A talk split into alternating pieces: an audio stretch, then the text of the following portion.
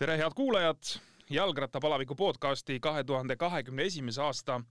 esimene saade on eetris, järjekorra number kolmkümmend üks ja, ja alustame uue hooga. kaks, ehk siis eelmine aasta oli meil kaks tuhat kakskümmend. jaanuaris alustasime ja nüüd on põhimõtteliselt siis üks aasta tegevust või tegutsemist täis tiksunud. mul on väga hea meel täna siin stuudios näha ühte meest, keda võiks nimetada siis Eesti jalgrattaspordi viimase kümnendi maastikurattasõidu isaks. et ausalt öeldes meil on siin täna saates ähm, natukene sellest ka juttu, et asjalood hakkavad muutuma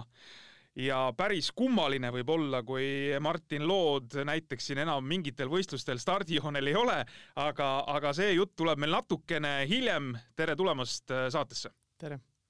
nii, Martin, sina oled siis see mees, kes äh, on äh, meid nii-öelda rattasõpradena elus või või huvitamas hoidnud maastikusõitu, mis siis puudutab äh, maastikusõidu olümpiakrossi ja, ja teinud seda tegelikult sellisel tasemel, mida Eestis varem ei ole nähtud. Äh, meeste hulgas kohe kindlasti ja nüüd naiste hulgas siis on Janika Lõiv tulnud ja, ja teinud võib-olla isegi nüüd suuri, suuremaid tegusid, pean silmas siis äh, kohti maailmakarikasarjas näiteks ja, ja mine tea, mis siin äh, võib järgmistel olümpiamängudel ja tiitlivõistlustel veel juhtuda, aga kindlasti sa oled jätnud märkimisväärse jälje meie, meie nii-öelda jalgrattaspordi ajalukku, aga kõigepealt tahaks ikkagi küsida sellest, et äh, miks jalgratas ma vaatasin ja, ja leidsin äh, paberitest, et kaks tuhat neli on siis see tähelepanuväärne aastanumber, millal sa jalgrattaspordi juurde jõudsid, aga no tõenäoliselt sa ikkagi ju tegid sporti ka varem, sa olid siis juba kuueteistkümneaastane. ja et äh, mina jõudsin rattaspordi juurde pigem hilja, et tavaliselt sel ajal juba osad poisid võib-olla lõpetavad selle ära, aga eks äh, minul olid äh, teised äh, spordialad, millega ma tegelesin, et tegelikult ikkagi kogu seal koolis käimise ala, aja ma olin rohkem või vähem spordiga seotud, et esimesed, esimesed sellised plaanipärased trennid, et korvpallis, et päris, päris, päris mitu-mitu aastat sai seal käidud ja mingi hetk kuidagi sai isu täis või ega noh, niimoodi tagantjärgi täpselt ei mäleta, aga kuidagi see igatahes ära lõppes ja ja tegelikult noh, eks seal vahepeal midagi sai veel tehtud ja proovitud, aga see Äh, rattaspordi juurde nagu jõudmine toimus, äh, ma ütleks, et niimoodi kuidagi loomulikul teel, et äh, see rattaga nii-öelda sõitmine pakkus endal huvi ja, ja noh, nagu eks ma olen ka varem öelnud, et tollal tehti televisioonis ka mõnedest Eesti võistlustest selliseid videokokkuvõtteid ja ja see oli noh, ütleme see aeg, kui see, ma arvan, olümpiakrossi stiil nii-öelda oli Eestis kõige popim, et et äh, see oli ikkagi see, mida nagu sõideti ja rajad olid kindlasti äh, kõvasti nii-öelda raskemad, kui nad nagu täna on, et loomulikult see rattad ja tehnoloogia on väga palju edasi arenenud, aga noh, tolle aja kohta, et mis olid need rattad ja tehnikad, siis need äh, rajad ja ringid, mida sõideti, olid ikkagi päris keerulised, et kaks tuhat kakskümmend aasta rattaga neid samu asju sõita tundub nagu mitte midagi, onju. ja sealt nagu tekkis see huvi ja loomulikult, kuna äh, Äh, see spordiga kokkupuude oli olemas, siis oli ju selge, et et kui tahad ikkagi võistlema minna, siis on enne vaja natuke trenni ka teha ja ja esimesed võistlused olidki, et ma nüüd ei mäleta, et ei, minu arust ei olnud olümpiakross, et sai proovitud äh, Estonian Cupi äkki mingisugust etappi ja ehk siis rattamaratoni? jah, rattamaratoni, et äh, tundus selline äh, Äh, noh, ka huvitav asi ja tegelikult läks hästi ja hakkas ikkagi kõvasti rohkem veel see rattasport meeldima, kui, kui nüüd ütleme niisama oma lõbuks nii-öelda sõitmas käimine ja ja mõned võistlused ma tegin veel sel aastal, täpselt ei mäleta, et ega neid äh, kindlasti ei olnud rohkem kui viis, pigem kolm-neli ja ja tuligi selline mõte, et võiks ju ikkagi siis äh, liituda mõne rattaklubiga natukene selliselt nii-öelda siis äh, sihipäraselt treenida ja vaadata, et, et kuidas meeldib, et ega esialgu küll mingisuguseid äh, väga mingeid suuri plaane ei olnud või ei olnud mingit mõtet, et äh, nüüd kindlasti kuskile mujale võistlema minna, aga aga eks see tuli kõik niimoodi loogilist rada pidi, kuna tegelikult tulemused Eestis nagu läksid paremaks ikkagi päris kiiresti, et tegelikult kui minu ütleme, esimene selline täispikk Eesti hooaeg oli, kui ma olin esimest aastat juunior, siis juba teisel ikkagi hooajal, kui ma olin siis nii-öelda teist aastat juunior, et tegelikult juba hakkas tulema ka neid nii-öelda põhiklassi arvestuses, kus siis võistlevad ka kõik eliitklassi mehed ja tol ajal vist U kahtekümmend kolm ei olnudki, aga põhimõtteliselt kogu see sats koos, et hakkas sealt tulema medaleid ja karikaid ka, et see läks nagu sealt kuidagi loogiliselt edasi, et see Eestis nii-öelda see noh, konkurents nii-öelda sai, sai minu jaoks nagu otsa ja ja esimesed äh, välisvõistlused, äh, noh, tüüpiliselt nagu see tavaliselt Eestis vähemalt mägirattas on, et on tavaliselt kohe ju tiitlivõistlused. Ja ega siis äh, noh, nagu ta ikka on, et ega see tasemevahe on meeletu, et alguses ikkagi tundub see täitsa nagu täitsa, täitsa teine maailm, et kuidas üldse nii saab ja on võimalik, et et sealt vaikselt edasi hakkasid tulema ka sellised madalama kategooriaga sõidud siin Poolas ja, ja kuskil veel, et seal loomulikult see konkurents oli veidi, veidi nõrgem ja see ikkagi andis sellist äh, indu juurde, et see, et selle alaga nagu tegeleda ja loomulikult ega kõik need aastad, et alates seal esimesest kuni, kuni nüüd eelmise hooajani välja, et tegelikult see ikkagi see sõitmine on äh, mulle endale nagu väga meeldinud, et ega, ega noh, ütleme, et see motivatsioon on kuidagi tulnud äh, täiesti nagu iseenesest, et äh, et selle, selle alaga nagu tegeleda, et ega mul kordagi tegelikult selle aja jooksul nagu tõsiselt ei ole küll mõelnud selle peale, et võiks noh, selles mõttes ala vahetada, et nüüd kas nüüd maanteel sõita või tsüklokrossi sõita või midagi muud, et pigem ikkagi see maastiku pool on olnud alati põnev ja noh, on, on endiselt me jõuame nende maanteesõitude juurde ja nende tsüklokrosside juurde, aga ma küsin siis e, sinu e, vastuse peale kohe niimoodi paar täpsustavat küsimust, et kas korvpallitrennis, et sa sealt nii-öelda ära tulid, et ei antud siis mängu ajal palli või kuidagi ei tundunud enam nii atraktiivne siis või?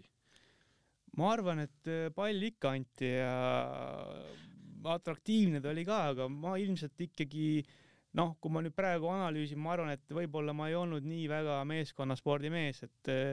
et ma olin võib-olla rohkem selline individuaalala tegija, et ma usun, et, et see ilmselt oli pigem nagu see äh, nii-öelda otsustav võib-olla faktor, aga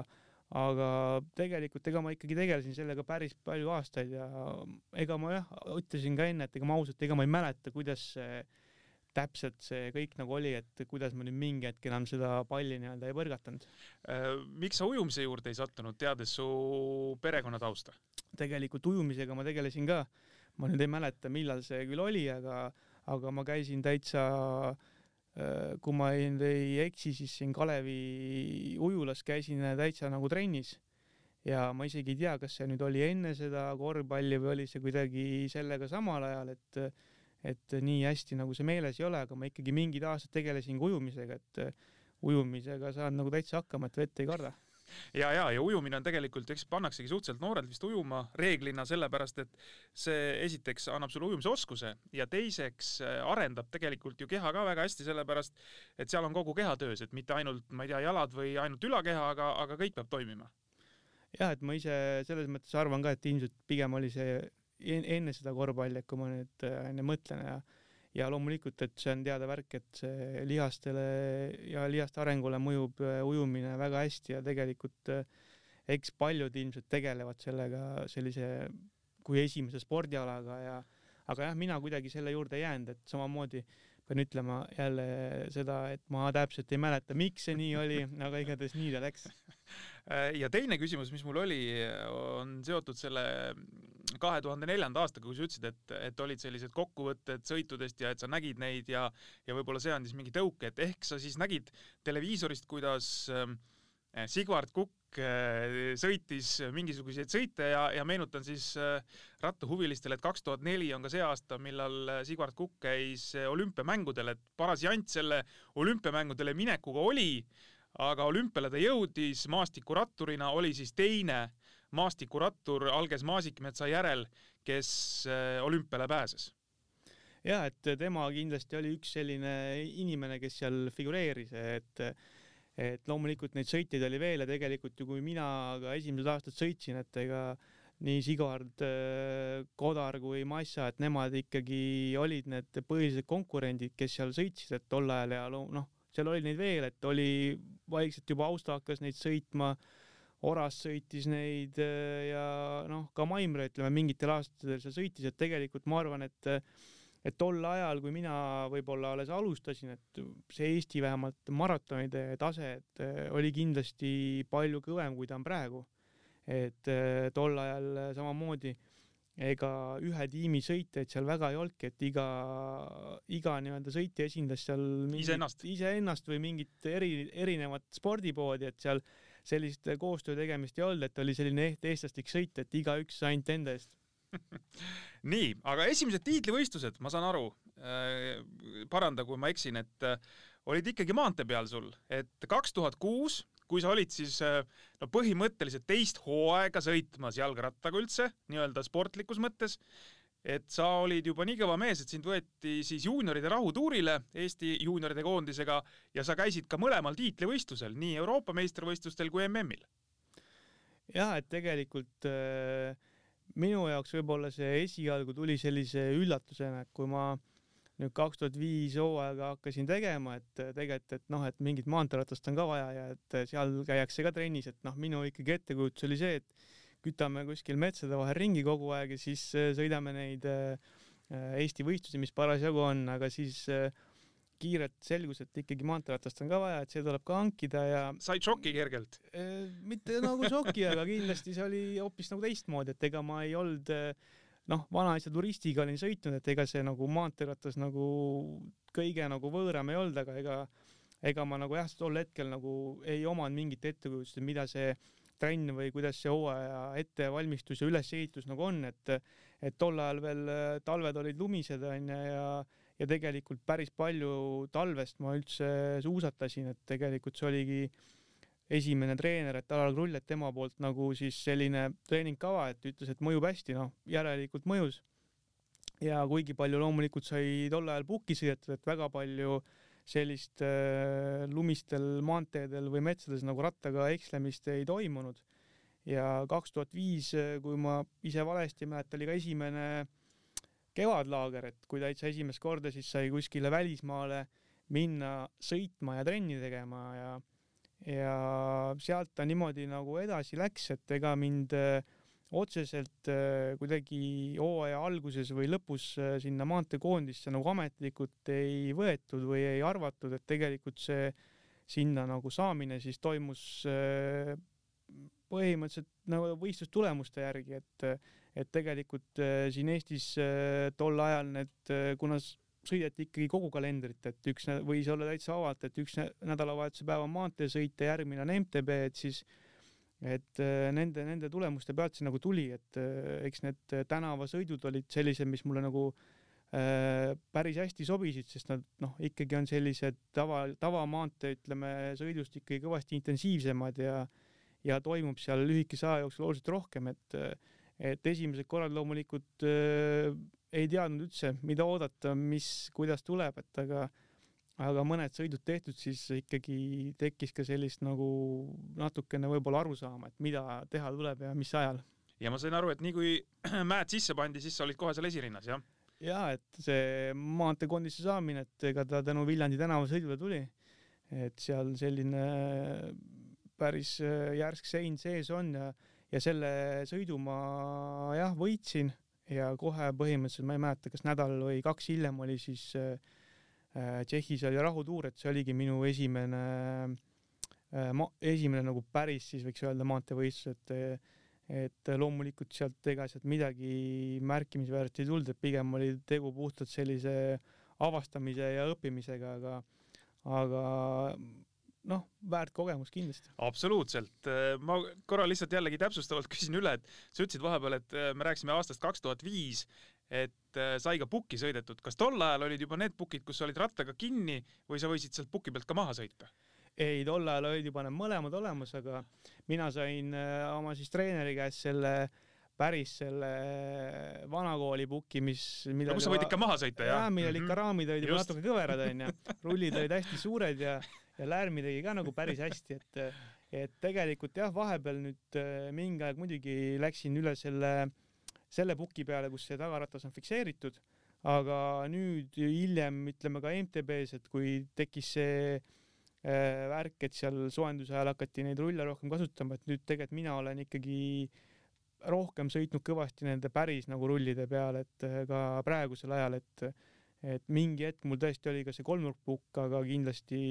üheksakümmend protsenti puki kilometraažist on ikkagi tulnud nende päris rullide peal, kus äh, võib jah maha sõita. ja ütleme siis selle ka ära, et sa mainisid küll oma esimese treeneri, Alar Krull, eks, aga äh, see on siis äh,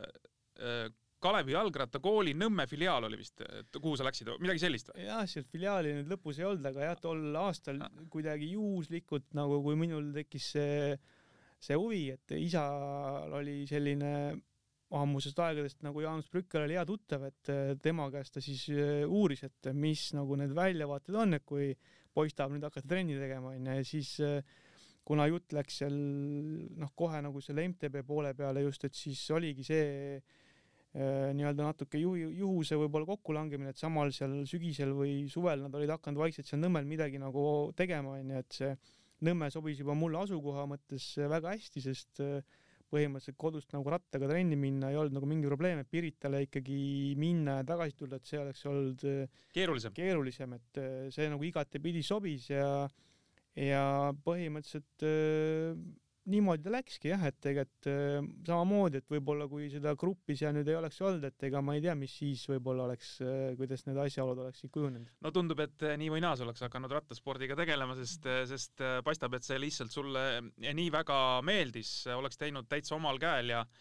ja omade jõududega, aga ma tulen korra veel selle kahe tuhande kuuenda aasta juurde ja, ja need juunioride tiitlivõistlused ja sa siis sõitsid kaks tuhat kuus, ma vaatan juunioride MM-il eraldi starti, äh, said seal kohaga viiendas, kümnes, aga see selleks. ma lihtsalt vaatan, kes su ümber siin protokollis äh, on ja siin on päris äh, huvitavaid nimesid, kes on enam-vähem sinu kanti nii-öelda sõitnud selle aja seal. DJ Van Garderen, Mattias Brändl, Alex Tausset, kõik on sellised tuntud nimed hiljem. et et äh, su nii-öelda stardipositsioon võib-olla ka selles mõttes ei olnudki kõige halvem, kui me nüüd vaatame maanteed, aga sa ikkagi tundsid, et, et sinu asi on ikkagi see metsa vahel sõitmine. ma ei tea, kas nüüd seda, aga kuna mind sinna koondisse kutsuti, siis ju noh, ma ei näinud põhjust, et miks ma ei peaks sinna minema, et et juba kasvõi selles mõttes, et näha, et mis asi endast kujutab ja ma arvan, et see just see eraldi start ja sinna see koondisse nii-öelda valimine selleks, et seda eraldi starti sõita, et eks ta oli tingitud äh, sellest, et et ma ilmselt kaks tuhat kuus aastal, et äh, tulin ka juunioride Eesti meistriks eraldi stardis. et ilmselt äh, see oli selline määrav nii-öelda asjaolu. see andis sulle pileti? see andis nagu pileti jah, ma arvan, ilma selleta seda piletit võib-olla ei oleks tulnud. aga aga jah, et eh, selles mõttes ma arvan, et eh, selline eraldi start ja selle hästi või kiiresti sõitmine on kindlasti üks eeldus, et kuidas üldse on võimalik seal olümpiakrossis nagu hästi sõita, et et lihtsalt see, see, sel-, selle kaudu nagu nii-öelda annab nagu päris hea pildi, et ma arvan, et ükski äh, mitte kindlasti mõni, aga noh, enamus kindlasti MTB ja tsüklokrossi mehi on ikkagi eraldi stardis sellised tugevad ja kiired poisid nii, läheme paar aastat äh, ajas edasi, vaatan kaks tuhat kaheksa, oled sa esimest korda käinud maailmakarika etapil, äh, räägime siis loomulikult olümpiakrossist, et mäletad sellest ka midagi? Äh, konkreetselt niimoodi ei mäleta, et ilmselt tegemist oli Belgiaga ja Hofaliseega, et tol ajal ikkagi ma ütleks nii, et sõidud olid ikkagi päris nagu rajud võrreldes sellega, mis nad praegu on, et ring oli pikem esimestel alati need kaks esimest etappi, et Belgia ja Saksamaa, et need olid ilmselgelt nagu ülerahvastatud, seal oli ikkagi kakssada venda oli joonel onju ja, ja kuna mingisugust sellist äh, allahindlust seal ei tehtud, mingit U kahtekümmend kolm klassi ei eksisteerinud, siis juunioridest äh, pandi kohe sinna meestega nii-öelda joonele punkte ei olnud, siis startisid sealt tagaotsast. ja sa olidki juba me-, sa kaks tuhat kaheksa olid ju meeste vahel juba ja. täiesti, eks, ja, ja ma vaatan äh, lihtsalt siit on, et äh, peaks olema Saksamaa ja Offenburg. jah, üks kahest, et mõnikord oli see Offenburg enne, mõnikord mm -hmm. oli see Belgia enne mm, -hmm. et et need olid sellised tol ajal nagu klassikalised äh, maailmakarika toimumiskohad, mis mingi aja peale siis nagu sealt ära kadusid, aga aga jah, need sõidud olid päris keerulised tegelikult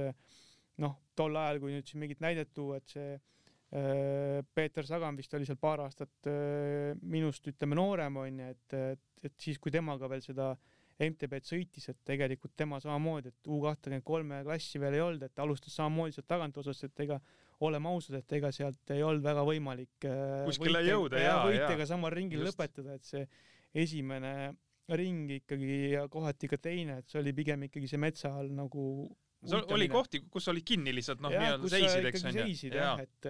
et selles mõttes tänased nagu rajad ja tingimused, et need ikkagi on nagu midagi muud, kui olid tol ajal. kuule, aga ma vaatan siin esimestel aastatel, kui sa oled käinud äh, maailmakarikasarjas, siin on kohad teises sajas, mis tähendab, et neid võistlejaid pidi olema meeletult ja, palju jah, seda ma ütlengi, et see eriti just need esimesed kaks etappi, et seal oligi neid, äh, stardis oli üle kahesaja mehena ja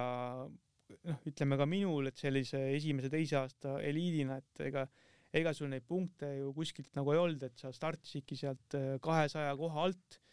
ja esimesed kaks ringi, ega see väga nagu sõita ei saanud ja neljandal juba hakkas see oht, et kohe võetakse maha, et et see, see oligi selline, ütleme igas mõttes nagu karm maailm, et et ega kui sa selliseid tulemusi sealt saad, kus sul nagu reaalselt isegi ei ole võib-olla poolt oma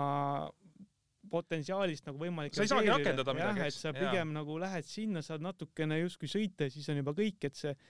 et see tegelikult oli nagu karm, et eh, noh, mingi aeg hiljem, et siis, kui mina juba, juba vanuse poolest olin U kahekümne kolmest väljas, et siis tulid seal ka MK-l need U kakskümmend kolm vanuseklassid, et mis loomulikult oli ainuõige samm, et, et tegelikult see ikkagi tol ajal need äh, kakssada pluss meest nagu joonel, et see oli liiga palju. Äh, seal ei tekkinud sul mingisugust, ma ei tea, sellist äh, halba kogemust, et äh, kuradi jants on, et, et noh, nii ei saa ju lihtsalt sõita, no reaalselt ei saa sõita, et äh, millega ma tegelen, et, et noh, võib-olla ei ole nagu õige asi. ei, tegelikult oli niimoodi, et esimestel sõitudel ikkagi äh, ega ma ei kujutanud ette, et see algus nagu selline on, et seal nagu üldse sõita ei saa, et kuidas nüüd nagu, et kuidas ta nagu nii hull on, aga ma arvan, et ikkagi esimesed päris mitmed aastad ikkagi tundus see, see kiirus ja need ringiajad, mida nagu seal ütleme seal eesotsa pool, ma võib-olla ei mõtlegi seal esikümmetega, et noh, mis moodi seal nagu sõideti, see tundus nagu täiesti nagu võimatu, et noh et midagi on seal nagu hoopis teistmoodi, sest see vahe lihtsalt äh, reaalselt äh, oli nii suur, et äh, et tegelikult muidugi nagu tekkis see nagu mõte, et noh, ma ei tea, et see vist ei ole nagu see asi, millega tegeleda, et ega seda ei saa eitada. Mhm. kaks tuhat kümme, läheme siis veel kaks aastat edasi. kas see oli nüüd esimene hooaeg, kus sa olid välisklubis või sinna läks veel aega või? Äh, ega ma ei mäleta neid aastaarve. esimest korda tegelikult äh, välisklubis ma olin, äh, sõitsin, sõitsin Meridaga. jaa, Tšehhi ja, ja, ja kaks tuhat, see oli kaks tuhat kaheksa, ma vaatan. jah, et Marko Rebane siin nagu nii-öelda pani natukene selles mõttes õla alla, et ajas nii-öelda asju, et uuris võimalusi, kus mida nagu saaks sõita, et see oli jah, selline esimene, esimene võimalus, mis tähendas ka seda, et siis Äh, tuli siis kolida nii-öelda välismaale, et äh, siis, olidki siis Tšehhis või? jah, et mm -hmm. teha, teha siis nagu see hooaeg, kus sa siis enamus ajast viibisid Tšehhis, et välja arvatud siis äh, suve keskpaik, kui olid, ütleme, Eesti meistrivõistlused, siis ülejäänud aja hooajast ikkagi see resideerumiskoht oligi Tšehhi. ja ega, ega selles mõttes see andis sellise esimese täispika hooaja kogemuse. Mm, kindlasti noh, oleks ju alati tahtnud rohkem, kui tuli aga, aga sealt nagu selles mõttes, et ega ta nagu noh, ega ta väga nagu mingi sellist eh, head nagu või sellist enesekindlust nagu ei tõstnud, et ega pärast ikkagi seda hooaega nagu tundus noh, nagu ma ütlesin ka, et tegelikult enam päris, päris mitmed aastad, võib-olla isegi pool sellest ajast, kui ma selle spordiga tegelesin, tegelikult oli ikkagi selline tunne, et ega noh, et see piir on nagu nii ees, et sealt nagu kuidagi ei üle ole ei võimalik mm -hmm. nagu üle saada, et kuidas üldse nagu, et mida teha nii-öelda onju mm -hmm.. aga ma arvan, et selline mm, peale seda ma muidugi mingid aastad või aasta sõitsin jälle äh, kodus, kodus? ja ma vaatasin, ma vaatan praegu, et kaks tuhat üheksa oled kodus sõitnud ja kaks tuhat kümme, kaks tuhat üksteist on Infotre, mingi selline ja. Itaalia sats. jah, et tegelikult äh, see pakkumine ka tuli niimoodi äh, järsku, et suuresti tänu sellele EM-ile, et tol aastal seal U kahekümne kolme EM äh, Äh, õnnestus äh, väga hästi, et äh, sain, mida, sain sealt nagu, ma ei mäleta, kas ma olin äkki kümme, üksteist, midagi sellist, et et peale seda nagu see huvi tuli, et tol ajal siin Meelis Rihk ja Janek Tombak siin müüsid neid Lee Cugani ja Basso rattaid ja sealt nende kaudu kuidagi see huvi nagu tekkis, et noh, teil selline vend seal sõidab, onju, et ja loomulikult, et eh, huvi nii-öelda oli minul ka, tegime selle nii-öelda siis selle diili ära, et siis ma otsaga nagu liikusin jälle Itaaliasse, et eh, põhimõtteliselt olin siis terve hooaja seal ja ja tegelikult ega see ilmselt ongi selline võib-olla, et eh, nagu murdepunkt, et kuidas üldse nagu asjad hakkasid siis nagu ülesmäge minema, et et tegelikult see sealsed nagu olud äh, ja võimalused just ma mõtlen treenimise ja maastiku mõttes ikkagi aastate jooksul ikkagi näitasid, et on võimalik ikkagi asju nagu väga palju paremini ja kiiremini teha. ehk siis teha asju niimoodi, nagu võib-olla ei olekski ette kujutanud, et on võimalik, et, et sealt tulid nagu teised ja uued tutvused ja,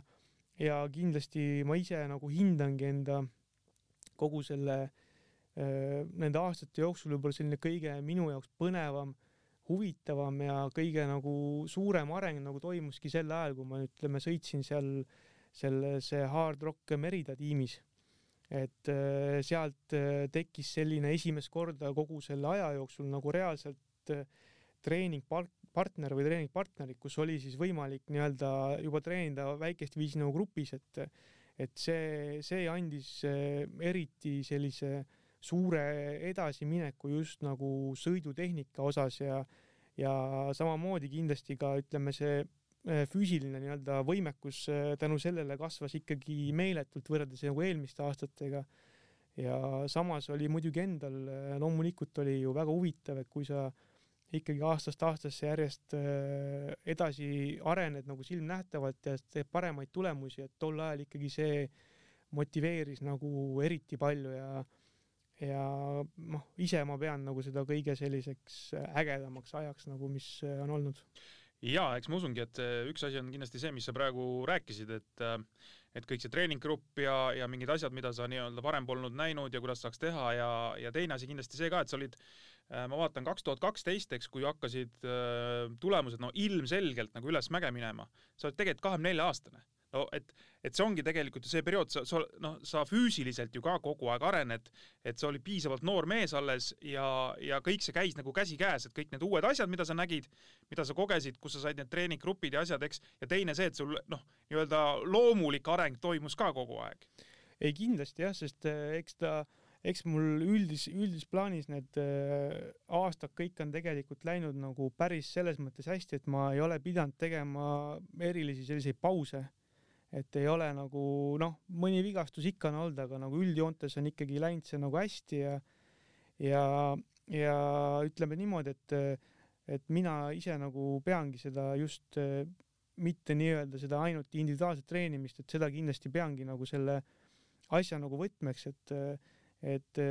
et lihtsalt sul tekib nagu trennides sellist nagu võistlus simulatsiooni olukorda. ja, ja, just, et, et tegelikult ega äh, tol ajal, et äh, alguses, kui ma hakkasin seal sõitma, et ega, ega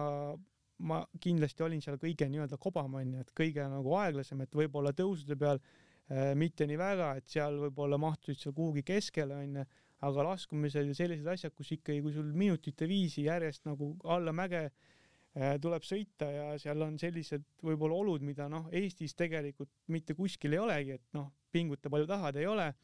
siis eh, noh, midagi pole teha, et kui sa ikkagi ise tahad, siis eh,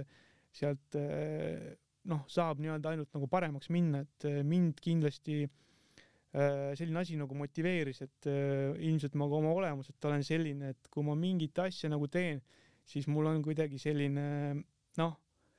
ma tahan seda teha nagu väga hästi, et ma olen nagu selles mõttes võin mingi hästi sihikindel. jah, et võin jamada nagu pikalt ja pikalt ja, ja nagu näha siis ka aastaid. et aga ma nagu olen noh, kui ma olen ikkagi nagu veendunud, siis ma ikkagi tahan nagu saavutada siis vähemalt enda jaoks selle maksimumi Äh, see sihikindlus vist on jah, selles mõttes sul nii-öelda kogu aeg kaasas olnud, eks, et, et äh, lähed ka vastu seina, kui see sinu jaoks tundub, et see on õige. Jah, et äh, ma arvan, et kindlasti ja eks see, eks see MTB-ga tegelemine siin äh, enamus ajast ongi selline äh, vastu seina või läbi seina minemine olnud, et ega seda kuidagi nagu paremini ilmselt ei saagi kirjeldada nii, aga jõuame selle kahe tuhande kaheteistkümnenda aasta tulemuste juurde siis ka, et kus oli noh, ilmselge edasiminek. Sa olid äh, eliidis Euroopa meistrivõistlustel kuueteistkümnes, MM-il kahekümne neljas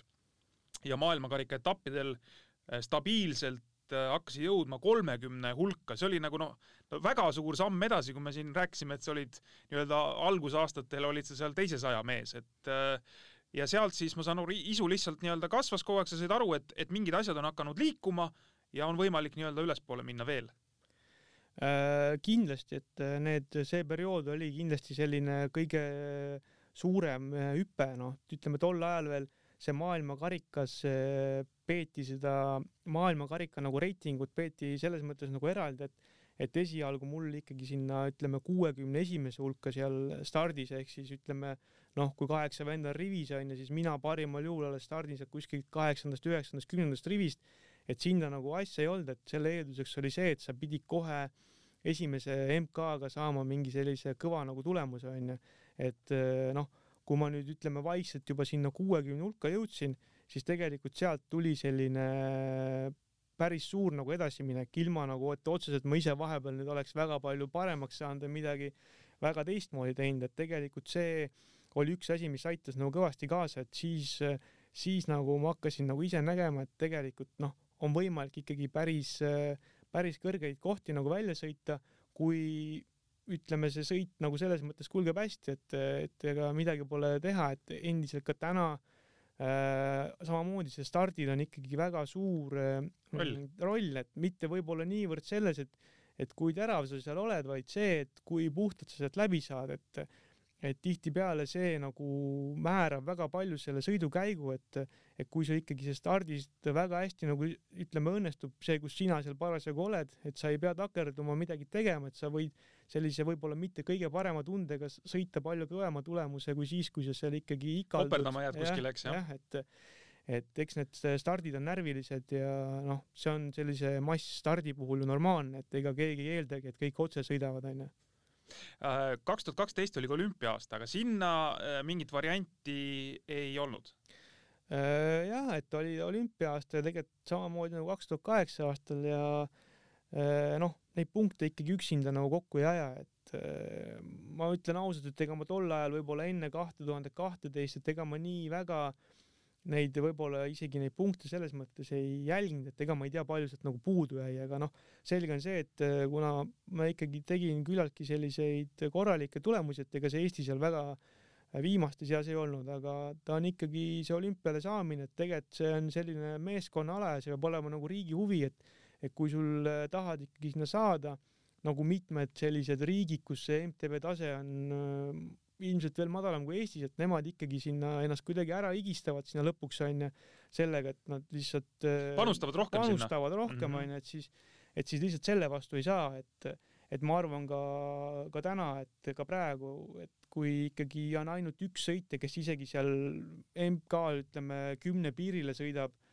siis äh, raske on nagu sinna, ütleme, seda olümpiakohta saada niimoodi, et sa nüüd ei peaks tõesti enam-vähem igal võistlusel osalema, mis kalendris on. Noh. see, seal on jah, mingil hetkel toimus äh, ma ei tea nüüd päris täpselt, kas ta on siiamaani, aga ma arvan, et see on siiamaani, et nii-öelda neid wildcard'e enam ei jagatud selles mõttes wildcard'e, et kui sul tõesti on mingi riik, kus on üks nagu väga hea sõitja, ütleme siis võime selle väga hea nimetada, ma ei tea, maailma top kahekümnes või top kolmekümnes, mis iganes, et kui selline sõitja on, et ta saaks nii-öelda wildcard'i, on näha, et noh, nii-öelda riigil, väike riik, võimalusi rohkemaks ei ole, seal üks sõitja ongi kogu lugu. et maanteel oli seda veel äh, minu meelest päris pikalt, kui oli näha, et on üks sõit ja seal vist isegi top sada ja, ja väga õiglane, minu meelest väga õiglane, aga miskipärast äh, võeti see maastikusõitudelt nagu ära. no tegelikult äh, kaks tuhat kaksteist see vist nagu oli ja veel oli olemas jah? ja minu teada nagu oli, sest et äh, olümpiakomitee väidetavalt ikkagi nagu esitas selle soovi, et meil on selline sõitja siin, et kes sõidab nii ja nii ja nii, et noh, et äkki selles mõttes tema saaks nagu selle wildcard'iga peale. Igatahes seda soovi nagu ei rahuldatud, et ma ei oska öelda, et et väidetavalt öeldi, et oh, et see wildcard läks nagu Saganile, aga noh, selles mõttes selles ei saa kindel olla, sest Slovakkia tegelikult oma sõitjatega oli sõitnud selle äh, olümpiakoha endale välja et väga võimalik. kas sa räägid praegu nüüd kaks tuhat kaksteist või kuusteist? Ei, praegu see ikka see oli kuusteist. onju, just, just, aga, aga kuusteist kindlasti enam ei olnud seda selles mõttes sellist äh, wildcard'i, sest minu meelest oli niimoodi Saganiga, äh, et äh, riik sõitis välja selle koha ja siis nad pidid omavahel ikkagi selle ära jagama, et minu meelest kas ei olnud lausa niimoodi, et see vend, kes nii-öelda pidi minema mountain bike'i sõitma, aga kuna Sagan tahtis, siis anti see nii-öelda pääse Saganile ja kas see teine vend kuidagi ei saanud äh, sinna maantee peale, ei vist ei saanud ikka nii ka olla või? tegelikult oli jah niimoodi, et äh, vist, vist sai, aga nüüd ütleme, et ei saanud äh,, ütleme Slovakkidel oli siis täpselt kolm venda, kes neid punkte tõid, ehk siis see on miinimum ko- mm, -hmm. miinimumkogus on. et kolm läheb arvesse, nii-öelda kolme mehe punktid lähevad arvesse ja see, see kutt siis, kes minu arust sai vist sinna maanteele sõitma, et tema nüüd nendest see kõige kõvem tüüp ei olnud, et tegelikult see, kes ütleme seal aastaid rohkem kui üks olümpiatsükkel oli kõige nagu selles mõttes Slovakkias nagu kõige tugevam sõit, et tema selles mõttes äh, jäigi ilma, jäi nagu, ilma, et mm -hmm. noh, mhm. kindlasti talle võib-olla pakuti seda maanteed, aga noh, ma arvan, et ta ei olnud sellest huvitatud.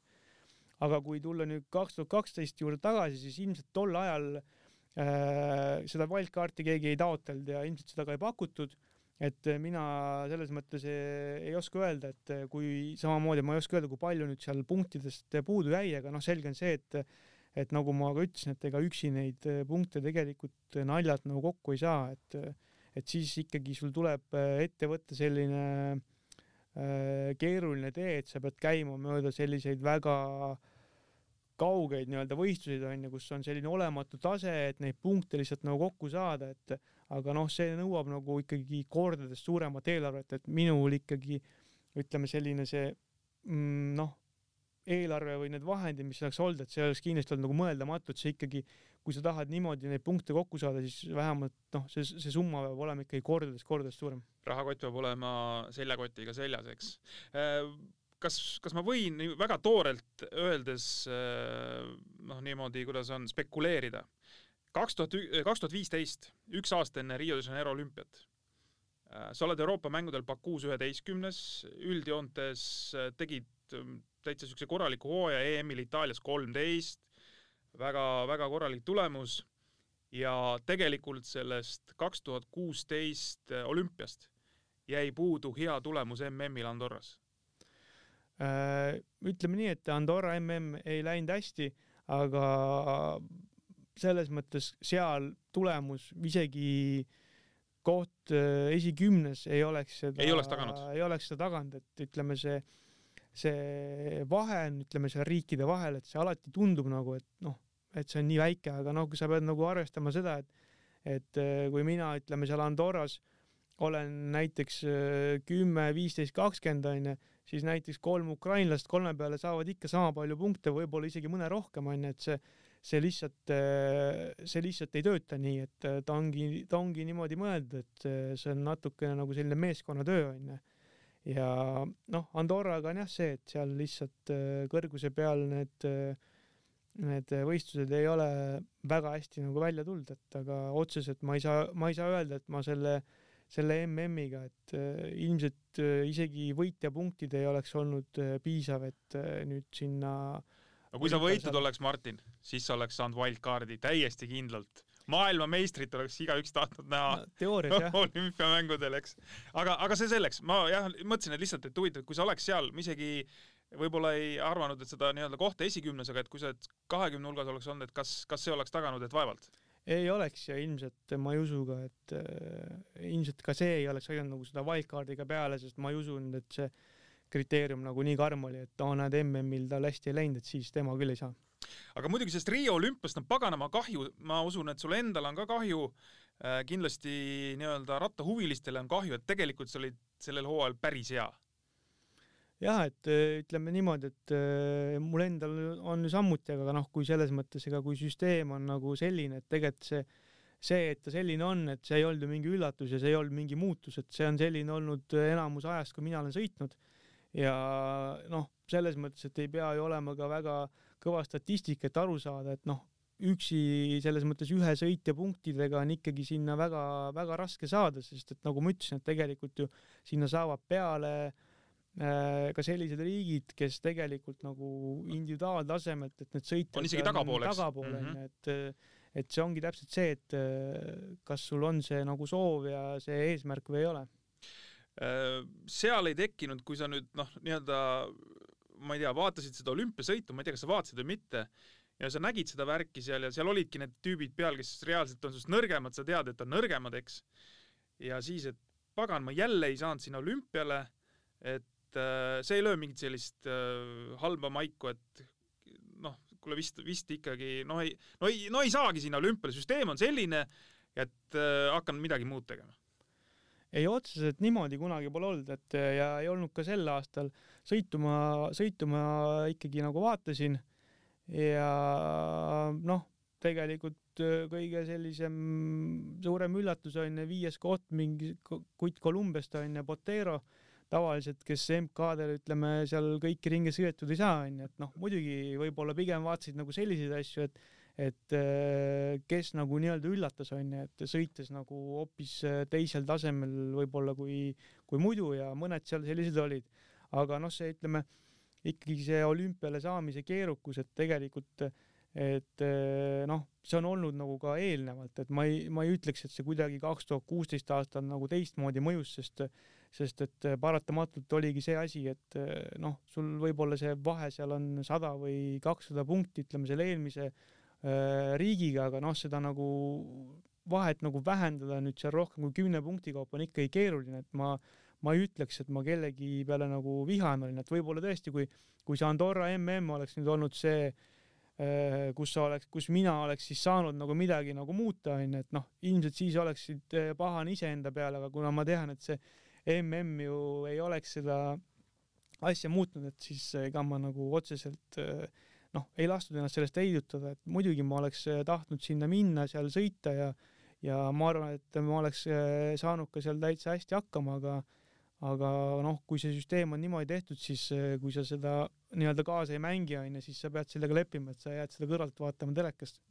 Äh, tuletan siis meelde veel kord kuulajatele, et kaks tuhat kuusteist ehk seesama olümpiaasta, sa sõitsid maailmakarika etappidel juba sinna esikümne piirile, üksteist, kolmteist, viisteist, niimoodi stabiilselt tuli, mitte ei olnud niimoodi, et üks ähvatus, ehk see tase,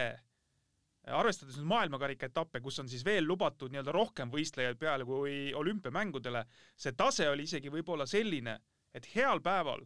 sa oleks võinud olla olümpia esikümne mees. Ma arvan, et eh, ega teoorias, kui ma oleks saanud kaks tuhat kuusteist olümpiale peale, et kindlasti mu eesmärk olekski olnud top kümme, sest et, sest eh, noh, oli nagu sa ise ütled, onju, et olümpial on tegelikult kõvasi mehi on vähem peal, et eh, tegelikult. seal on riikidel piirang ees, eks, palju sa tohid panna. just, et tegelikult päris palju kõvasi mehi jääb sealt lihtsalt kõrvale, sest et riigisisene konkurents on nii suur, et noh, reaalselt koht olümpial kahekümne hulgas kindlasti ei oleks olnud kehv, aga see oleks kindlasti olnud äh, mitte see, mida ma nagu arvasin. see, see oleks isegi võib-olla kerge pettumus olnud, eks? just, et see oleks olnud nii, et noh, läks nii mm. -hmm. aga kindlasti jah, et äh, esikümme oleks olnud, olnud äh, minu eesmärk ja, ja noh, selles mõttes, et ega seda on ju keeruline öelda, et mis sealt nagu tegelikult oleks tulnud, aga aga kaks tuhat kuusteist jah, et äh, tuli selline väga hea ja stabiilne hooaeg, et loomulikult äh, võimalus olümpial osaleda oleks olnud nagu selline noh, ainuke asi, mis sealt puudu jäi. kirstordil? jah. Äh, kas sa praegu niimoodi peast äh, oskad kohe niimoodi öelda ka, et niimoodi kiirelt, et vot see oli minu kõige, kõige ägedam tulemus tiitlivõistlustel? No tiitlivõistlustel kõige ägedam tulemus on äh, minu jaoks on ikkagi Rootsi EM, et ka kaks tuhat kuusteist? jah, tegin tegelikult seal päris normaalse stardi, aga enne esimest laskumist tekkis seal ütleme selline kaos, kus ma langesin ikkagi põhimõtteliselt sinna täiesti rivi nagu tagumisse otsa, et võib-olla kümme venda oli veel tagapool. mis seal juhtus siis? lihtsalt äh, nii-öelda rada nagu tihtipeale juhtub, et äh, mingi hetk läheb rada kitsaks ja siis lihtsalt need äh, noh, on selline seltskond inimesi, kes nagu lähevad siis, et kas kõik või mitte midagi ja ja kui nad ise sealt ütleme, saavad kõik, siis keegi saab mitte midagi, et et noh, eks seal üks suurem selline kukkumine ja takerdumine nagu tekkis, et ma ise nüüd otseselt selles kukkumises ei osalenud, aga siis äh, mina olin see, kes siis sama nagu ka paljud, ütleme seal teised, et kes selle tõttu nagu kannatas. ja noh, loomulikult ega selline asi ju kohe sõidu alguses mõtled, et äh, noh, mitte no nässus, eks. mõtled nii, et mm -hmm. nagu praegu ei ütle, onju, mhm. aga aga siis sealt äh, noh, ega ma kunagi jah, pole nagu kergelt nagu käega löönud, et ega ma arvan karjääri jooksul neid äh, sõite, mis ma olen nagu pooleli jätnud, et need polegi ükski olnud sellepärast, et ma nüüd äh, mõtleks, et ah, et käia kõik sinna, ma tulen maha. ja niimoodi ta selles mõttes tõusus joones läks, et tegelikult ka viimastel paaril sajal meetril, et kümnes koht oli sealsamas onju, aga aga lihtsalt see sõit sai enne läbi, et tegelikult äh, tol päeval lihtsalt see ettevalmistus, see vorm ja see kõik lihtsalt oli nii ideaalne, et et kindlasti selline top kümne koht seal nagu oleks olnud äh, täiesti nagu tehtav, et äh, lõpuks ju isegi ka sellise algusega jäi sellest puudu ainult kümme meetrit.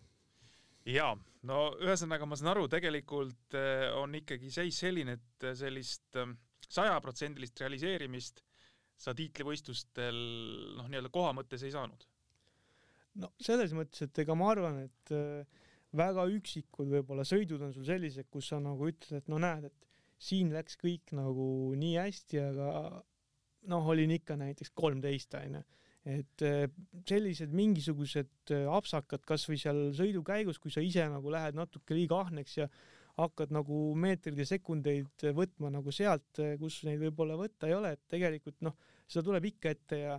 ja kui sa nagu vähemalt sellega kogu seda sõitu ära ei riku, siis ta ikkagi nagu ringi või natuke rütmi nagu sellest nagu välja viib, et aga selline äh, rohkemal või vähemal määral nagu riskimine, noh, ma ei mõtle nüüd ainult nagu tehnilise poole pealt, vaid ka tõusude peale, kus sa nagu siis sellise tempoga nagu nii-öelda selles mõttes nagu kompab piir, et, et noh, lähed nagu kõve, kõvemini või kiiremini, kui sa nagu tegelikult nagu ise arvad, et sa suudad, onju. Mhm.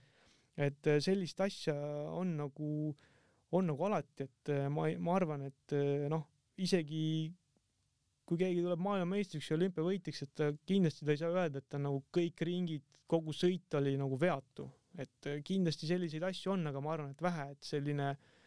väiksed vead, et või väiksed sellised äh, juhtumised, et need käivad selle nagu sõidu juurde. oskad sa niimoodi välja tuua ka, ma ei tea, kõige eksootilisemad sõidud, kõige raskemad sõidud, äh, kõige hullemad sõidud, et, et, et a la ma noh, lihtsalt toon siia, et äkki kõige hullem, mõni kõige hullem sõit on siitsamast Eestimaa pinnalt, et äh, Haanja, mõni Haanja sada näiteks. Ei, tegelikult ega need Eesti sõidud nagu ei ole väga hullud olnud, et ilmselt noh, kui niimoodi mõelda, siis need kõige selles mõttes hullemad on olnud ikkagi sellised, noh, natukene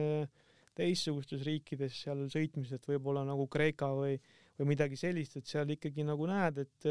just seda, et kui suur nagu erinevus võib olla nagu arusaamades ja korraldamises onju et.... ja, ja ma just tahtsingi minna sinnakanti, et, et võib-olla seal rada kuskil turvamata või et võid kuskilt kuristikust alla panna või? no pigem ütleme võib-olla mitte seda, aga noh, et sa pigem on just see, et nagu, et noh, kas sa ikka oled sellel rajal, et eh, pigem ah, võib-olla okay. see kahtlus ja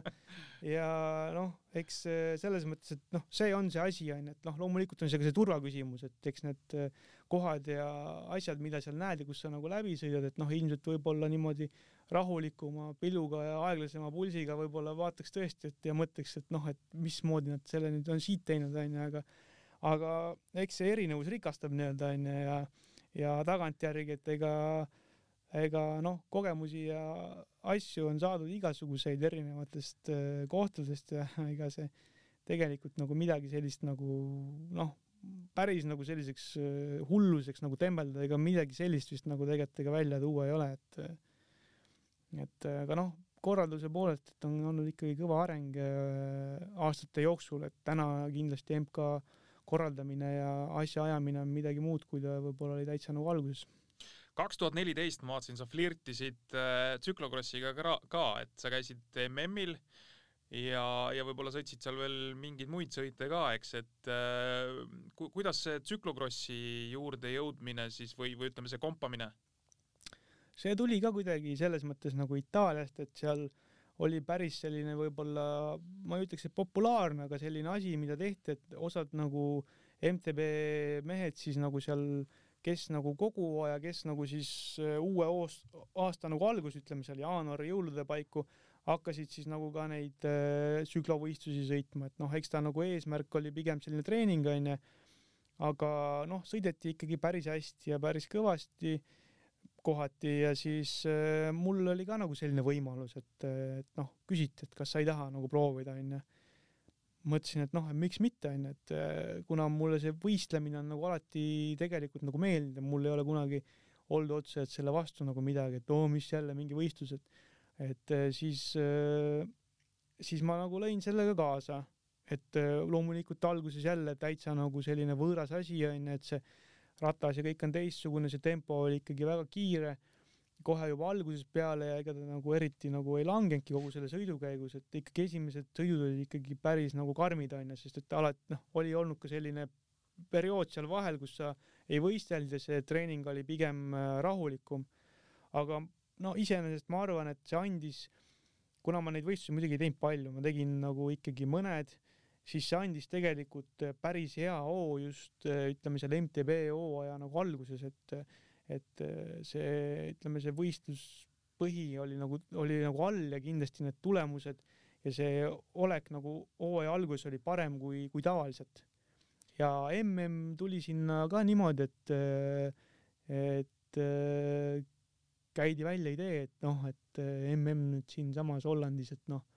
pole nagu kaugel ka, et ei taha nagu proovida ja kuna sealt tiimi poolt nagu oli kaks ratast nagu olemas, et noh, kaks ikkagi on miinimum, et alla selle nagu ei ole mõtet minu arust sõitma minna. ehk siis nii-öelda tuleb vahetada sõidu käigus, eks jah? jah, ja oli ka selline porine sõit, et tegelikult seda ratast sai seal vahetatud, et äh, kindlasti ütleme minu, ütleme see sõidu nagu tehnika sest et noh, tsüklokrossis ikkagi suur osa sõidutehnikast tähendab äh, jooksmist, äh, selle kiirust ja siis äh, nii-öelda noh, seda ring-ringilt, et mina kindlasti nagu selle jooksu poole pealt, et jäin ikkagi umbes sama kaugele sealt esiotsas kui alguses MTB-ga sõitma hakates, et see, see oli täiesti nagu teine klass ja, ja noh, muidugi mul iseenesest see, see, see kogemus kindlasti nagu meeldis, et, et tegelikult ma pole kunagi sõitnud ühtegi võistlust, kus oleks nii palju inimesi raja just, ma tahtsingi seda, sinna ka jõuda, et see, see oli ka kindlasti mingisugune selline noh, hoopis teistsugune kogemus. jaa, see oli ikkagi vinge ja see, see nagu kaasaelamine selles mõttes, et noh, seal ei ole nüüd niimoodi, et Sven just läheb, et talle karjume, siis ülejäänud vendasi siis noh, niisama tuimalt, eks, jaa, jaa. et seda seal ei ole ja see see melu ja see rahva hulk on ikka seal nagu mega, et seal isegi see startiminek on nagu päris nagu selline keeruline, et seda rahvast on lihtsalt seal nagu nii palju. Et äh, jah, mulle, mulle selles mõttes see jättis nagu sellise väga nagu vinge sellise tunde elamuse. nagu elamuse mhm. sellest tsüklokrossist, et et sõit ise jah, et loomulikult ma ei olnud selles mõttes selleks valmistunud ja ja loomulikult see nõuab nagu teistsugust ettevalmistust, aga aga sellise ühekordse kogemusena, et väga äge korra, korra veel ikkagi torgin sedasama sõitu, et, et kui seal on nüüd hästi palju publikut, eks, kõik elavad kaasa, möll käib, kuidas, no ja sa oled, ütleme seal tagumises otsas, eks, nagu, nagu sa mm. praegu olid, et kuidas, kuidas see, kas see jõuab seal midagi peast läbi ka lasta, et ma pean ikkagi nagu jubedalt pingutama kogu aeg, et et noh, siin elavad mulle kaasa ja ma pean ikka näima selline nagu krips-kraps, et äh, ei saa pead norgu lasta? tegelikult äh, ega vähe mul, et ei ole vahet, et kas sa sõidad seal eesotsas või tagaotsas, et tegelikult noh, kui sa seal tagaotsas sõidad, siis sellel on see põhjus, et järelikult teised on sinust nii palju kiiremad, noh. et see ei ole see, et ma teen nüüd endale mingit allahindlust seal mm -hmm. ja kuidagi äh, noh, lasen nagu poole gaasiga onju, et tegelikult ma ikkagi ise no seal hambad ristis nagu ikkagi pingutasin, et kasvõi selle nimel, et saaks äh, kõik ringid ära sõita. et see tase, tase ikkagi seal need esimesed mehed on ikkagi noh, nad on väga kiired, et noh, sama asi nagu ma arvan, et ma ikkagi kaotasin äh, väga palju aega puhtalt selle jooksuga, noh mm -hmm. rääkimata sellest, et noh, tol hetkel mul ei olnud mingisugust sellist sõidukogemust nagu nendes äh, poristes oludes, siis kui sul on väga suured need sooned ja asjad seal, et ma tegelikult ma arvan, selle mõne päevaga, mis ma seal enne MM-i olin, et ma ikkagi õppisin äh, väga palju, sest et tegelikult see, see olud ja see rada, et ta oli, ta oli selles mõttes oluliselt nagu raskem kui need, mida ma olen Itaalias sõitnud, et ta natukene ikkagi pigem nagu meenutas võib-olla MTB-d, sest seal olid sees ka nagu tõusud ja laskumised, et kohati ikkagi paljud need tsüklasõidud on ainult sellised noh, täitsa nagu sileda peal, et seal neid tõusumeetreid tuleb ainult võib-olla need, kui sa pead kuskilt trepist üles jooksma ja, ja kui sa mainisid, et äh, tsüklokrossi vennad äh, noh, ongi nii kiired, siis nad ongi tegelikult ju absoluutne maailma tipp, et me võime vaadata, mis siin praegu ka maantee peal toimub, eks. Wout van Aert äh,, Andri van der Poel, et noh, et selles mõttes, vabandust, Matthew van der Poel, et, et nad noh, nii-öelda panevadki kõiki asju, et nad võivad võita absoluutselt kõiki kõiki maanteel, ma ei tea, isegi lõppkokkuvõttes ka veel seal äh, Krossi rajal selles plaanis, et, et ju Van der Poel on sõitnud meil ju ka edukalt äh, MTB-d, eks. et äh, need mehed on seal väga kõvade mootoritega. jah, et ega tegelikult ju ütleme, nemad sõidavad seda noh, praegu enam ilmselt sõidavad vähem, kui nad ikkagi seda tsüklokrossi sõitsid, et eks neil ju tegelikult see äh, sõidavad praegu ka, sõidavad praegu ka täitsa. aga neil just see kevad ja suvi mm, -hmm. et tegelikult on ikkagi selle maantee pealt aga noh, loomulikult, et Van de Poel kindlasti on nagu selles mõttes, et hoopis mingisugune teistsugune mees, et ega ei ole keegi teine, et ka Sven Nüss, ütleme seal oma karjääri lõpupoole, et ta tuli seda MTB-d nagu sõitma ja ja ega tema, tema ütleme sinna päris etteotsa ikkagi nagu välja ei jõudnud, et tal ta tegi küll äh, mõned kõvad sõidud, aga tihtipeale tal ikkagi juhtus see, mis äh, juhtus Van de Poolil, ütleme seal esimesel kahel aastal, et tal ikkagi lõpus läks mootor keema, noh et viimased kaks ringi oli juba see paak oli tühi onju. Ja noh, ütleme Van de Pool kuidagi ilmselt äh, samamoodi, et oli väga sihikindel, et ta tahtis ikkagi paremaks saada ja ja sai ju lõpuks tegelikult ka selle MK-etapi võidu kätte onju, et et äh, kindlasti noh, ma ei oska öelda, kui tihedal see äh, graafik on, aga noh, ega ta MTB rajal, et ta on ikkagi äh, selles mõttes, et kindlasti noh, tipptegija. ja, ja, ja Van der Poelist rääkides, et kui sa praegu mainisid, et paak sai tühjaks seal nii-öelda esimestel aastatel, eks, et siis ju nüüd kaks tuhat üheksateist MM-il maantee peal mindi viimasele ringile ja paljud arvasid, et äh, Van der Poel võidab selle asja seal ära, eks, aga sai ka paak tühjaks. nii et selles mõttes ega seal tulebki noh, nii-öelda mingid etapid tuleb tõenäoliselt ikkagi läbida ka nendel kõige suurematel ässadel. et küll ta mõne aasta pärast selle MM-i ka maantee peal ära võidab, ma olen täitsa, täitsa kindel. et kui seal nii-öelda midagi vahele ei tule, aga, aga ka, et ei, see päris nii ei käi nipsust, et et igal alal ikkagi omad spetsiifilised asjad on ikkagi olemas, eks ei loomulikult. Ja tegelikult kui vaadata nüüd seda, noh, ma ei oska nüüd öelda, kuidas see aasta seal kellelgi oleks nüüd välja näinud, et kui see hoo kaks tuhat kakskümmend oleks saanud täishooaja teha, aga ega Van de Poel ikkagi kaks tuhat kaheksateist, kaks tuhat üheksateist ikkagi meeletu nagu võistluskoormus, et et noh, ta ainult kogu aeg kuskil nagu midagi nagu võidu sõitis, et tegelikult uh, uskumatu isegi natuke, et ta nagu nii stabiilselt hea oli kogu nagu hooaja. Ja loomulikult ega tal MM-il ju kõvad pinged olid peal ja isegi sellises nagu olukorras, et noh, kuidas ta nagu sõitis, et äh, igal juhul läks ju tegelikult selles mõttes hästi ja võib-olla see, et ta ei võitnud, läks väga hästi, et tal oleks ikkagi sellist äh, motivatsiooni ka edaspidiseks, et ikkagi, kui sa ühel aastal teed peaaegu nagu puhta töö onju, et siis äh, noh, et siis nagu jääb ikkagi midagi ka järgmisest aastateks. enne kui me läheme sinu motivatsiooni juurde siis äh, sa oled ikkagi päris palju sõitnud välisklubides. no selles mõttes, et äh, et äh, nii nagu me rääkisime, kaks tuhat kaheksa said juba Tšehhis käia, kaks tuhat kümme aastast Itaalias, seal võib-olla tekkisid veel mingid vaheaastad, aga siis jälle uuesti seal Itaalias, et äh, kas need äh, äh, ütleme siis maastikukrossi tiimidega lepingud on nii, nagu on maanteel, et ikkagi toob leiva lauale korralikult või kuidas on, on seal Krossiga, et noh, selles mõttes, et okei okay,, saad lepingu, äh, saad varustuse, saad kalendri, kõik asjad saad, aga leiva pead ikkagi ise lauale tooma. no tegelikult ega muidugi seal on lepingud on samamoodi nagu maanteel, aga noh, eks see leivapätsi suurus on aina erinev, et minul kindlasti need äh, lepingud, mis olid, et need ei olnud nüüd sellised, et äh, noh et äh, paar aastat teed, et siis võid nagu rahulikult juba mõelda, et äh, mida ülejäänud nagu ajaga peale hakata ja ja noh, mina ütleme, need äh, tiimid ja asjad, kus ma sõitsin, et ma arvan, et ma kasutasin nagu mingid võimalused või mis mulle nagu pakuti selles mõttes nagu maksimaalselt ära, et see otseselt ei olnud nagu nüüd minu valik, et äh, sõita nüüd siin nii-öelda selles mõttes nagu omaalgatuslikult, et kuskil mitte mingisse nagu tiimi kuuluda, et alati kui oli nagu mingi võimalus äh, või, või nagu koht, et seda asja nagu teha, et et noh, mulle pakuti vahepeal ka muidugi võimalust sõita onju maraton, aga kuna see väga nagu ei kõnetanud, siis ma lihtsalt seda nagu äh, proovima nii-öelda ei läinud, et noh, et teen lepingu ära, et vaatab, mis saab. aga jah, kahjuks tegelikult ütleme noh, viimased äh, kaks aastat tegelikult läks ikkagi nende lepingutega läks nagu kehvasti ja tegelikult äh, siin võib-olla minu jaoks selline suur nagu negatiivne üllatus selle asja juures oligi tegelikult nagu see, et et kuigi need lepingud on nagu tehtud, ütleme seal läbi UTSi ja seal on UTSis on isegi need lepingu põhjad on ju olemas, mille peale seal vajadusel punkte juurde kirjutada ja nii edasi, siis tegelikult kui sa ikkagi satud sellisesse olukorda, kus sul tiim äh, kohustusi sinu ees ei täida, et et olgu see siis see, et kas sulle ei anta seda, mis lubati, kas sulle ei maksta, kas kas see, see, mis sulle öeldi, see ei pea paika, et tegelikult see, see UTSit nagu absoluutselt ei huvita, et, et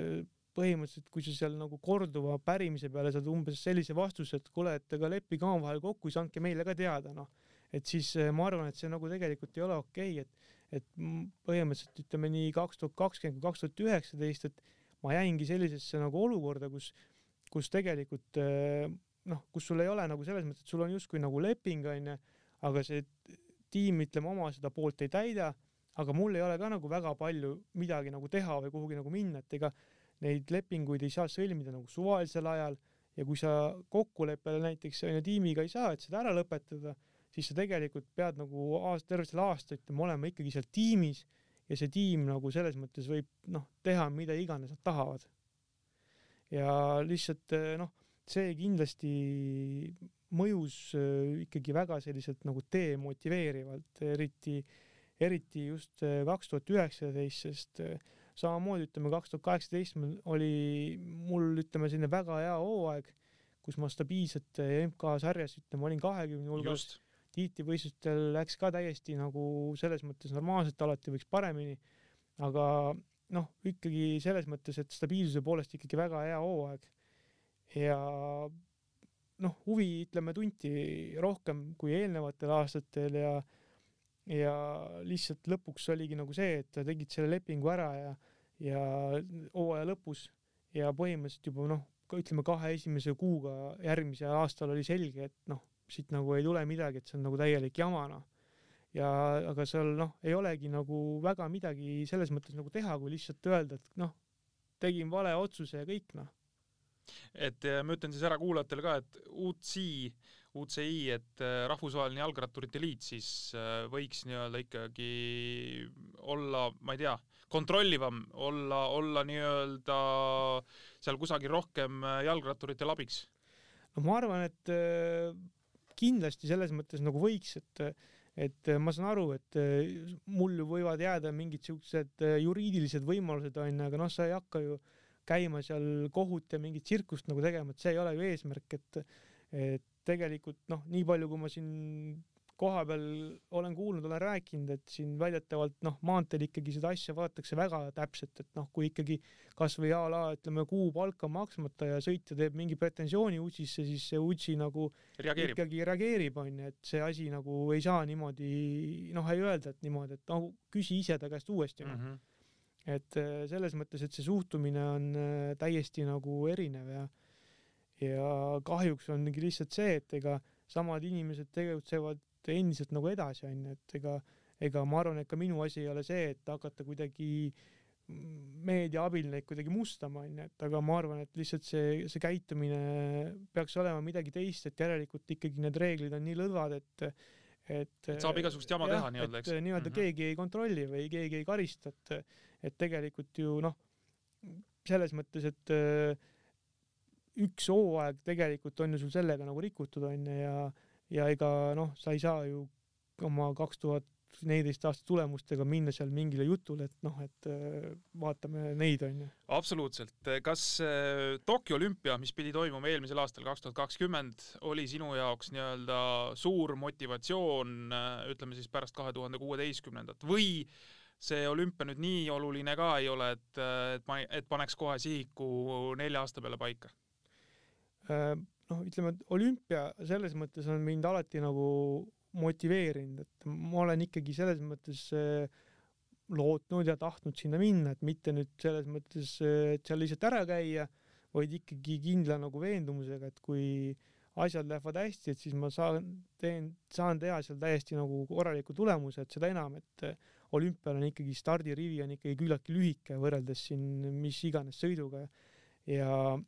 ja aga noh, samas ma olen, ütleme, realist, et ega kui ma olen äh, kolmandalt äh, olümpiatelt põhimõtteliselt ju sellepärast äh, välja jäänud, et äh, lihtsalt riigina ei saa nii palju punkte kokku ja lihtsalt mina füüsiliselt ei ole nii võimekas, et ma aastast aastasse näiteks võidaksin MK-etappe ja ja saaksin nüüd nii palju punkte üksi kokku, et siis lihtsalt ma nagu arvestan sellega, et kui midagi nagu teistmoodi ei tehta või midagi ei muutu nii-öelda, et kui selles olümpiapunktide kogumises, siis samamoodi ma lihtsalt ei saa sinna. Et ma ei saa nagu öelda, et et see olümpia nagu ei motiveeriks mind, noh, et kui sa niimoodi siis ütled, siis mõeldakse, et aa, no mis sa siis üldse seal teed, onju, aga noh, mhm. asi ei ole ju selles, et kui sa ikkagi reaalselt tead, et, et noh, sellise valemiga me sinna ei jõua, onju, et noh, selles mõttes, et siis noh, sa ei saa öelda, et see sind ei motiveeriks nüüd see olümpia on nihkunud äh, käesolevasse aastasse, kaks tuhat kakskümmend üks, aga jätkuvalt keegi ikkagi päris täpselt ei tea, kas see olümpia tuleb või ei, ei tule seal Tokyos, eks, et äh,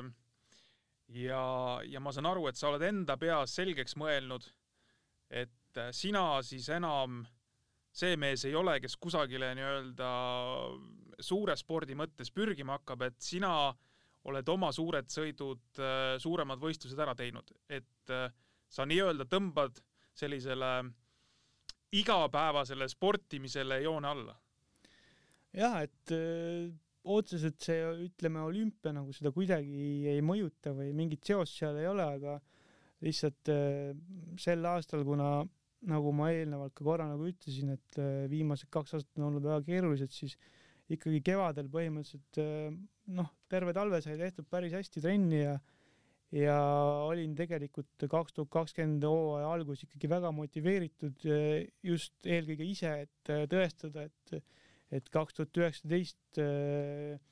noh, ei olnud nüüd see, et ma enam umbes ei jaksa või et enam ei oska või enam ei viitsi, et eh, tegin eh, ühe võistluse ära, enne kui siis koroona nagu need asjad seisma pani, aga kahjuks sellega seoses kohe ka nagu algasid sellised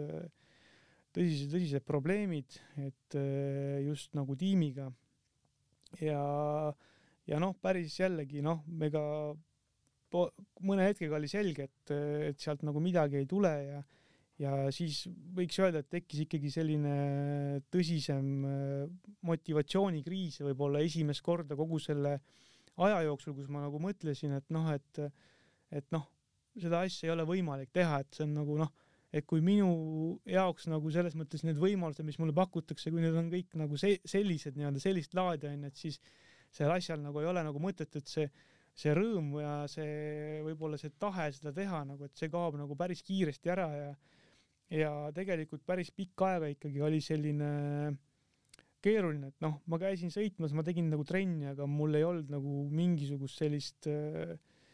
äh sära silmades, sära silmades ei olnud ja, ja võib-olla see noh, see tuli tegelikult äh, noh, tagasi võib-olla siis, et kui ma ütleme nüüd mõneaastase pausi järel, et uuesti nagu Karmeniga ühendust võtsin ja ja ta siis äh, oli lahkelt nõus mind nagu aitama, et et sellised tema poolt tehtud konkreetsed treeningplaanid ja asjad, et et see nagu noh, see tõi nagu selle tahtmise ja motivatsiooni tagasi, et tegelikult kui lõpuks ikkagi selgus, et ilmselt meil siin hooaja lõpus, aasta lõpus mõned MK-d, mõned tiitlivõistlused siiski toimuvad. et äh, selle nimel ma tegelikult siis ikkagi suutsin nagu siis selle tahte nagu taas leida ja ja sai tehtud nagu päris, päris head, head trenni ja tegelikult sõidud iseenesest võib-olla numbriliselt või tulemuselt ei olnud midagi sellist, et mis ahetama paneb, aga tegelikult läksid need ikkagi väga hästi, et MM-il lihtsalt olid sellised keerulised olud, mis, mis, mis noh, ütleme nii, et ei sobinud, aga ülejäänud MK-d kaks tükki ja EM, et jäin oma sõitudega väga rahule, et EM kindlasti neist läks kõige paremini. ja Karmen on siis Karmen Reinbold? jah. Kes äh, aitab äh, jalgrattureid ja tegelikult tänasel päeval siis aitab ka juba teisi sportlasi, et laskesuusatajaid näiteks Eesti koondist treeningplaanide äh, koostamisel. tead, siin on üks huvitav kokkusattumus, et kui sa nüüd ütled, et sa lõpetad, eks, siis mõned kuud varem ütles sul õde Katrin Loo, et ta tõmbab ka äh, Äh, sportlaskarjäärile joon alla, tema siis Eesti ja naiste jalgpallikoondise kapten ja, ja, ja nüüd viimastel aastatel Flora mängija, et äh, sattusite kuidagi omavahel midagi arutama, et äh, mul sellised plaanid ja siis äh, teine ütles, et kuule, aga mul ka sellised plaanid. tegelikult arutama nagu ei sattunud, aga, aga üks kord oli küll jah, selline nagu äh, kuidagi jutuajamine, kui selgus, et on jah, nagu mõlemal siis tekkinud äh, samasugused nagu mõtted, et et noh, mina tegelikult juba eelmise aasta kevadel, et tekkis nagu see esimese hooga see nagu mõte, et et davai, et nüüd aitab. aga siis ikkagi jah, nagu sain, sain selle ikkagi nii-öelda selle äh, tahte nagu tagasi ja tegelikult jah, hooaja lõpus, et mingi, mingi selline õhtu või õhtupoolik oli ikka kuidagi jah, see nagu jutuks tuli ja ja selles mõttes ega see kokku lepitud nii-öelda omavahel ei ole, et see on täiesti nagu mõlemad otsused on see tulnud nagu iseseisvalt, et aga kuidagi on see jah niimoodi läinud, et nüüd äh, sattus ühele ajale. tulevikuplaanid äh, on ka juba selles mõttes paigas, et äh, saad hakata uusi asju enda jaoks avastama? no selles mõttes, et uusi asju avastama paratamatult jah, et ega äh, ega selle mm, rattaga sõitmise ajal, et äh, selle järgselt ega ei saaks öelda, et nüüd, äh, et noh, vahendeid on nagu kuskil šeikidel Saudis onju, et, et mina ikkagi vaatan, et mis tööd tegema hakata ja kuna praegu ju mul mingisugust erialast või kõrgharidust ei ole, et ega neid võimalusi väga palju ei ole ja ja eks siis äh, selline enesetäiendamise või millegi õppimise võimalus, et pigem siis ilmselt äh, kui siis tuleb on ju sügisel. ja ega ma praegu jah, otseselt nagu millegagi niimoodi nagu seotud ei ole, et äh, vaatangi nagu ringi, et mida, mida võiks teha, mida saaks teha. sa oled kolmkümmend kaks, saad see aasta kolmkümmend kolm tegelikult võiksid kümme aastat siin äh, nooremaid mehi kollitada veel Eestis toimuvatel, ma ei tea, rattamaratonidel või mis iganes sõitudel, et äh, et äh, kas sa viskad nüüd ratta päris nurka või tegelikult tasuks siin utsitada mõndasid nii-öelda rattapoode või, või firmasid, kes, kellel on huvi, et näed, selline mees võiks meie rattaga sõita või meie tiimi eest väljas olla, et äkki, äkki saavad su nõusse veel, et sa siin Eestis ikkagi veel kihutaksid ega selles mõttes seda kategooriliselt nagu ei saaks öelda, et ei mitte mingil juhul, aga aga noh, nagu ma ka ütlesin, et see asi peab siis olema või noh, see, mida mul on nüüd vaja või mida ma teen, on selles mõttes ikkagi töö, mis tagab siis sellise sissetuleku, mille eest on võimalik nagu elada, et see kindlasti ei saa nüüd olla see, et näe, me anname sulle kaks särki selle ratta ja siis need rehvid ka sealt onju. et selline asi kindlasti ei ole nagu mõeldav, et ma mingit sellist äh, pool hobitöö tegemist eh, kindlasti nagu ei kaaluks, et, eh, et eelkõige võib-olla just eh, hindaksin seda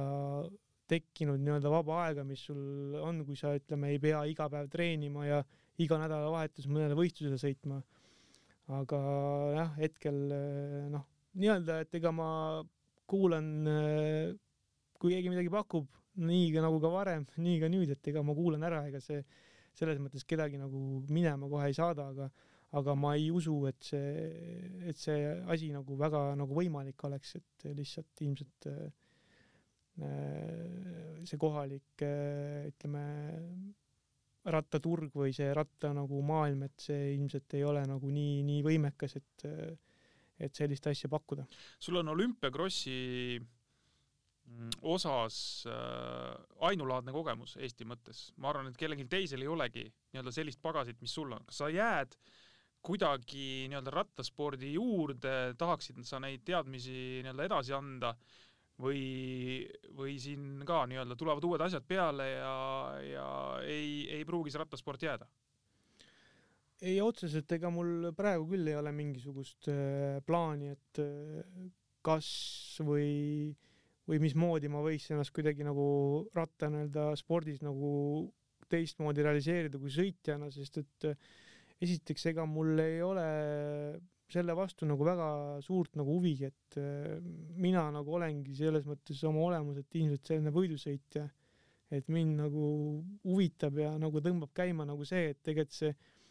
taustavärk seal nagu taga võiks nagu töötada nii hästi, et see sind nagu närvi ajaks. Aga nagu selles mõttes, ega, ega ma selle peale nagu väga palju ei mõtle, et kui see nagu tiksub nagu niimoodi, et seda väga tähele ei pane, et siis on kõige ideaalsem. ja, ja noh, ma ei oska selles mõttes niimoodi öelda, et viimastel aastatel eriti just siin kaks tuhat kakskümmend, et eks ma mõned sellised sõidukoolitused olen nagu teinud, et minu poole on nagu pöördutud ja küsitud, et et me oleme siis nagu kokku leppinud äh, ja selliste väikeste gruppidega mõned nagu sai tehtud, aga ega ma seda otseselt kuidagi nagu promonud või niimoodi kutsunud kedagi ei ole, et kes on nagu huvi tundnud, et need on nagu minu poole ise pöördunud, et tegelikult noh, otseselt ma sellist nagu tegevust või plaani ei ole nüüd, et kuidagi jääda mingit moodi seda asja nagu tegema. et kui kui keegi küsib, saan aidata, et siis kindlasti aitan, aga niimoodi väga niimoodi siukest vabatahtlikut aja veetmise viisi nagu ei otsi. no nii, aga igal juhul vähemalt see on nagu rõõm kuulda, et kui keegi pöördub, siis äh, saab sinuga arutada ja, ja kokkulepeteni jõuda küll, nii et äh, võtke kätte, kellel on huvi kas ise sportlasena või, või siis nii-öelda näha Äh, Martinit enda särgis kusagil võistlemas, võtke ühendust ja, ja kindlasti rääkida annab äh, Martiniga küll nendel teemadel. aitäh sulle tulemast, et ega midagi ei ole teha, ükskord äh, nii-öelda ühed teed otsa saavad ja teised teed algavad. just, et, et võid ju jääda lõputult nagu tiksuma, aga parem on ikkagi asjal nii-öelda sarvist haarata ja, ja ise neid nagu otsuseid teha absoluutselt ja sa oled piisavalt noor mees, et äh, siin jõuab igasuguseid asju veel, veel korda saata. nii et edu sulle, aitäh kuulamast, see oli Jalgrattapalaviku podcasti käesoleva aastanumbri esimene saade, jaanuaris tuleb üks veel, aga siis juba hoopis teise külalisega. aitäh veel kord kõigile ja kuulmiseni!